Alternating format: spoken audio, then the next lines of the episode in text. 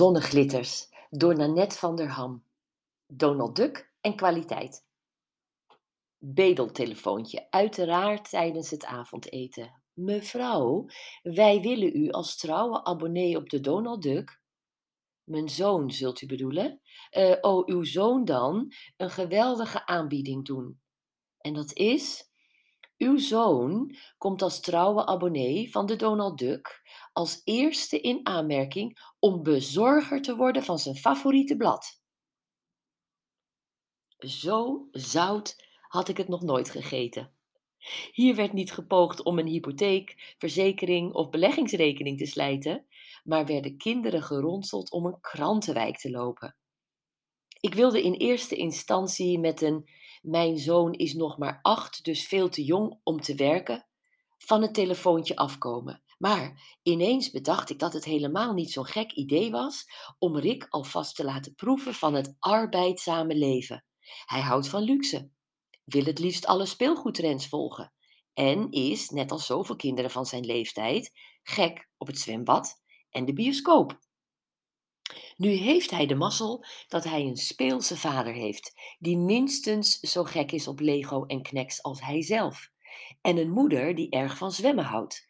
Dus Rick komt wel aan zijn trekken. Maar de laatste tijd vangen we verontrustende dure spullen op die Rick graag voor zijn verjaardag wil. Een Nintendo, 300. Een stereotorentje, 300. Een computer, 1000 en hoe we ook uitleggen dat er grenzen zijn aan de cadeaus en dat het geld ons niet op de rug groeit, hij kijkt ons aan met een blik van waar heb je het over?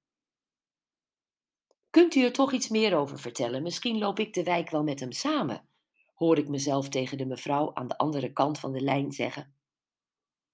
En ze legt uit. Het is een klein wijkje, in en rond onze eigen straat, we krijgen fietstassen en stickers die we zelf op de bladen dan moeten plakken.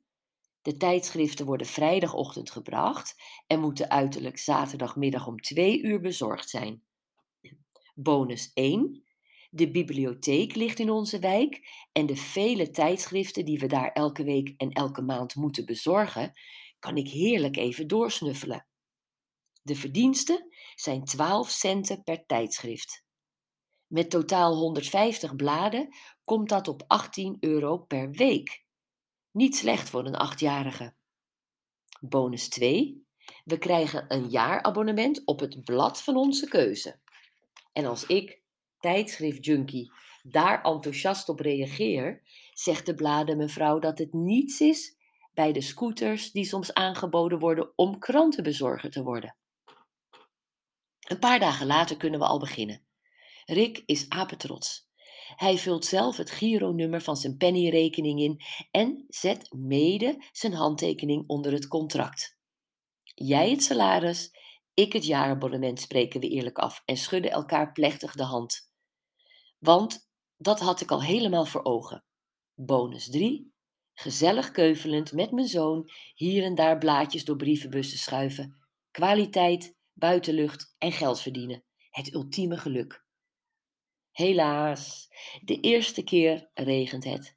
Bovendien moet ik onverwacht overwerken, maar goedmoedig neemt papa de wijk over.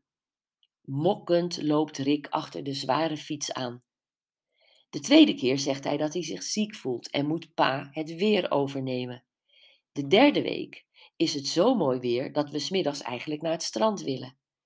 Ik doe de wijk wel even, zegt zijn vader, en Rick slaakt een zucht van verlichting.